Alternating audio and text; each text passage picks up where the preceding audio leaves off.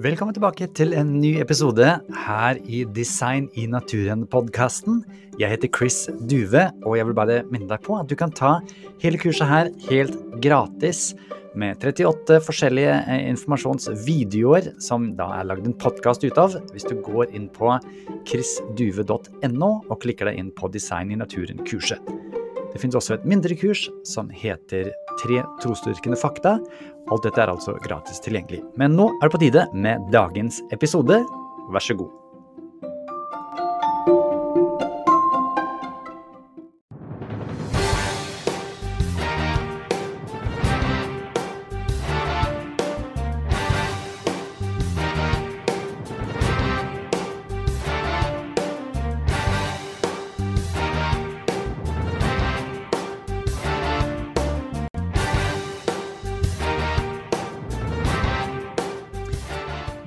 Hello, Dr. Jonathan Wells. Thank you so much for joining us.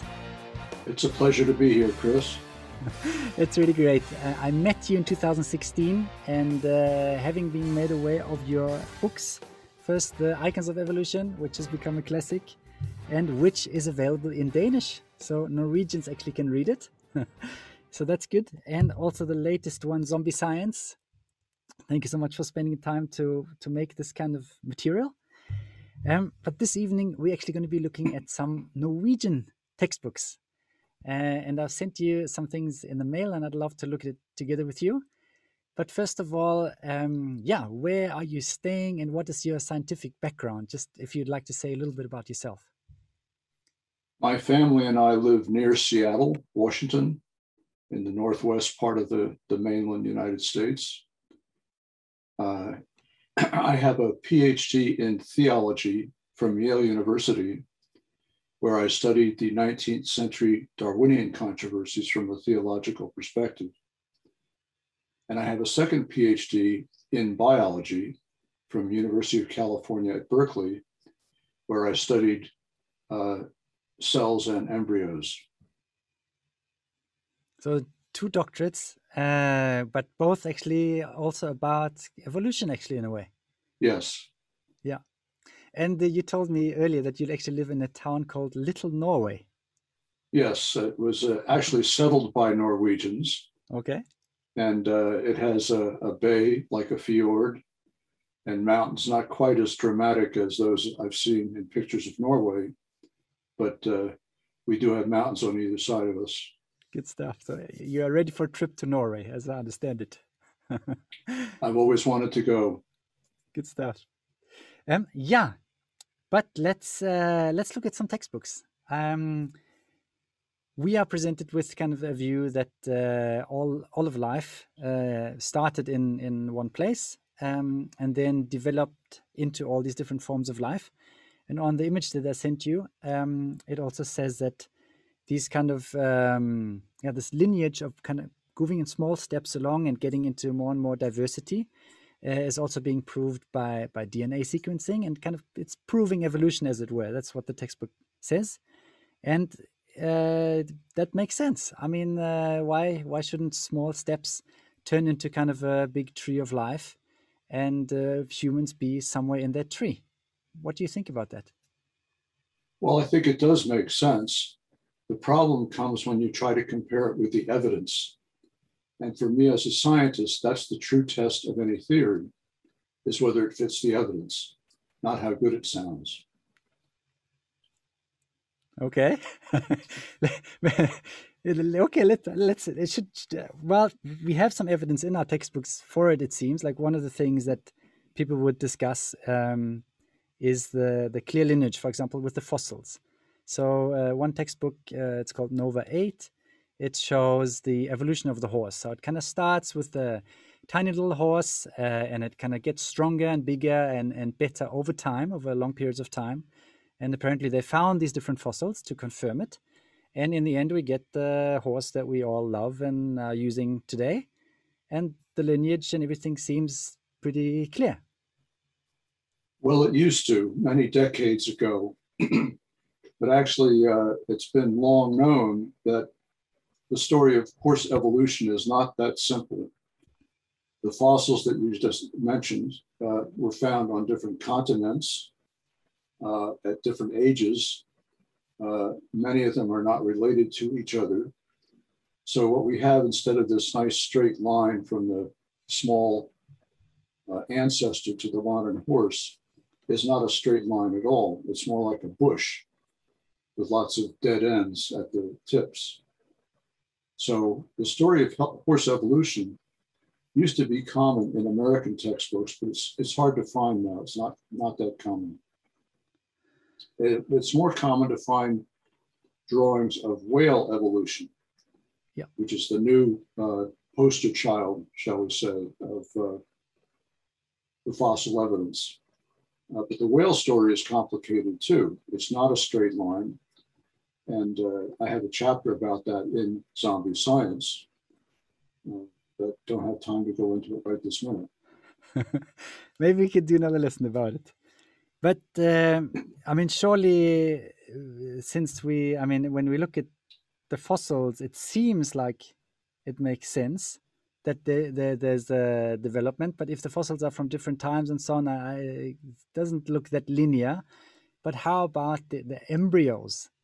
Because when you look at the embryos and you look at the drawings, for example, in this uh, Tellus book, they all look pretty similar in their different uh, stages. And the story goes that they, since they came from the same kind of ancestry, ancestry, they look similar in their stages. And in other books, we're reading that all the different embryos have uh, gills, like fish, fish-like thingies, which you know they, they've taken along from the past, and they still kind of go through it as embryos and then finally and they look differently of course humans and uh, chickens or whatever but pretty similar along the way. And that also seems to show uh, darwinian evolution.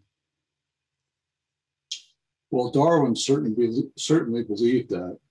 And a contemporary of his german ernst haeckel made some drawings yeah. that you just described and the top is supposed to be the earliest stage, and the bottom shows a fish, a salamander, a turtle, uh, a chicken, and four mammals. And so this, this top row is supposed to be evidence for a common ancestor. And Darwin even thought that the common ancestor looked something like that. The problem is, when Haeckel made his drawings, he misrepresented that top row Actually, the embryos don't look that similar at all. So here, actually, the next row from the bottom here, this is Haeckel's first row. But these are drawn from actual embryos. You can see that they don't look that similar.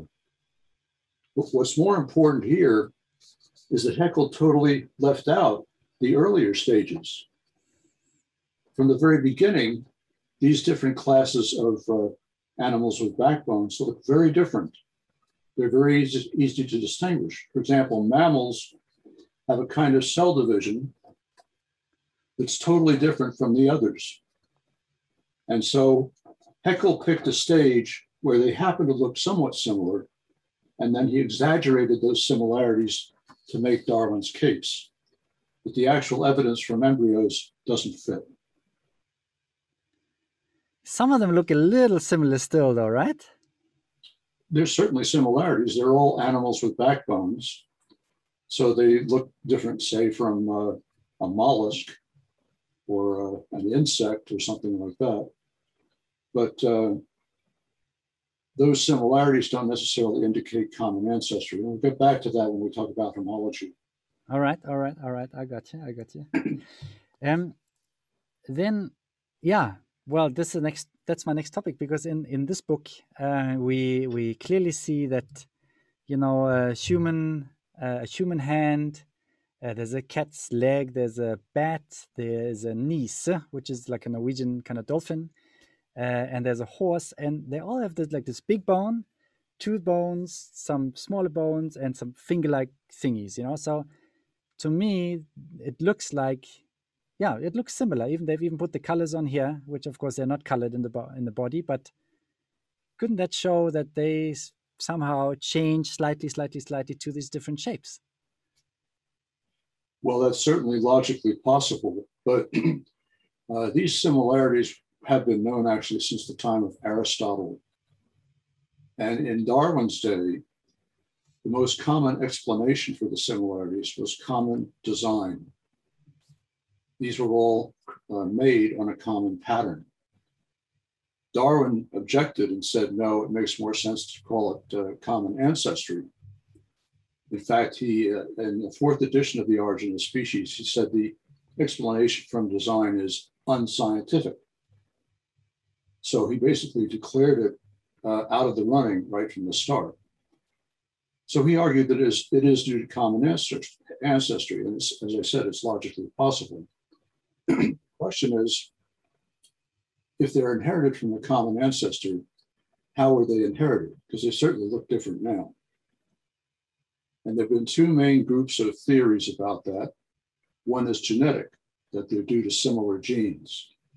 But that was debunked many decades ago when it was found that uh, some homologies uh, are based on different genes, and some uh, similar or some different genes. I got that backwards. Some similar genes uh, lead to different uh, function uh, structures. So the genes and homology theory doesn't fit. Oh, it doesn't match actually. Doesn't match. So you'll no. get similar kind of hand-like structures, but it's different genes making it actually. Or vice versa. Okay. Same genes, different structures. Okay, because just now we were reading that the DNA and that actually confirms evolution, but actually it made it more messed up. Yes, and we'll get back to that when we return uh, at the end of these 15 minutes. Okay, okay, okay. Now, the other uh, explanation was developmental pathways, so that you know certain cells in the embryo uh, produce homologous structures. Well, that was debunked too. That does not fit the evidence either. So we don't know what causes homologies in a, a materialistic sense.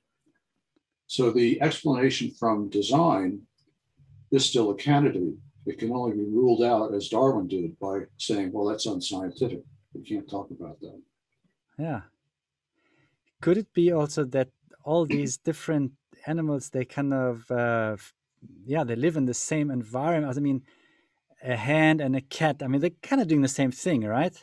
Or a bat is still gripping really. something. Not really. The cat's walking on its toes, uh, like the horse, except the horse has one toe. The human hand is for grasping. Well, a cat's paw can grasp in a certain way, but certainly not like the human hand. And then the porpoise or the dolphin is in a totally different environment so is the bat, which is flying. So uh, attributing homologies to similar environments or functions doesn't work. They make they make it sound very similar in, in the book, but I, I hear that actually there's greater differences. But then what about uh, molecular homology? That is, you know, every single being has got DNA, they all got RNA, they all got proteins, couldn't that show that it's kind of coming from the same building blocks? It could, but uh, which uh, which image are you showing right now? Oh, right now I'm just uh, I'm throwing in just an, an, extra question because of everybody has DNA, you know. Well, uh, how about uh, number eleven? Okay. I could talk about that. Yeah. Uh, number 11 supposedly shows how all the different kinds of life are connected at the level of DNA or protein or both. Yep. And uh, branched off from the common ancestor at the very bottom. Yep. Well, the guy who discovered uh, the third domain, which is the red one, I believe, in the middle, it's very, it's more different. It's it's it's more like uh, us than it is like bacteria but they are they look like bacteria. So they actually constitute a to- totally different domain of life. Uh, this man was uh, his name was Carl Woese. Okay. And he went on to do more research on the DNA and RNAs and proteins. and he concluded that there was no common ancestor that is, the way the lines converge at the bottom does not fit the evidence. Uh, so the common ancestry idea was defeated by Woese himself after this drawing was made. But Okay, most so- textbooks don't tell you that. Yeah, because it all it all it, it all is like this, right? Starts here and then it branches off. That's that's what we're presented with. Well, that's the picture, and that's Darwin's theory, but that's not the fact. All right. um, let's see the next image that I have for you. Yeah, that's that's actually that was the last one uh, for this session, I think. Well, there's also uh, 14, right? Okay. Yes. Yes. Yes. so some of some of the best textbooks have extra material. So we've got one called BIOS uh, 2, and then the students are supposed to go into the um, kind of online page of the textbooks. So that should be kind of the latest new things because in the, in the printed edition, of course, you can have new findings, but they don't get included because it'd be too expensive to print it all the time, right? But one of the things that I found from the BIOS extra material was that uh, paint the drawing on uh, number 14, which is from a video, which basically is listing the evidence for evolution. And as you can see on the image, you know, they're listing the fossils, which you weren't convinced of, the DNA and the protein and everything, you know, uh, the embryology, which I'm starting to doubt, uh, the homologies, which, yeah, you also didn't support, but it still shows this list. And, and what, what would you say to this final image, the big one on number 14? Well, it's it's beautiful, uh, but it's false. Uh, first of all, there are no straight lines in reality. The straight line at the bottom, the straight lines vertically, aren't there. Those are human inventions. Second of all, the drawing, at least from what I can see, implies that the fossils, the molecules, the embryos, and the homologies all point to the same picture. And in fact, they don't. When you look at the different sources of evidence, or even one source like the DNA and RNA, you get conflicting trees, not the same. If Darwin's theory is true, you would expect there to be one true tree of life. But in fact, the evidence itself points to many different trees or none. Uh, so this drawing is a gross misrepresentation of the truth. To me, it sounds more like we're moving from a tree to like a, a lawn of grass with different things uh, not being interrelated. I don't know. What, what would you say to that? Yes, and that that uh, metaphor has been used. It's not Okay. a tree, but a, lawn. And in between, we have a bush uh, or many bushes. So the bottom line is this uh, these drawings about the tree of life uh, are essentially um, illustrations of Darwin's theory. They are not illustrations of the actual evidence. So the textbooks are presenting Darwin's theory and misrepresenting the evidence as though it supports that theory, when in fact it doesn't.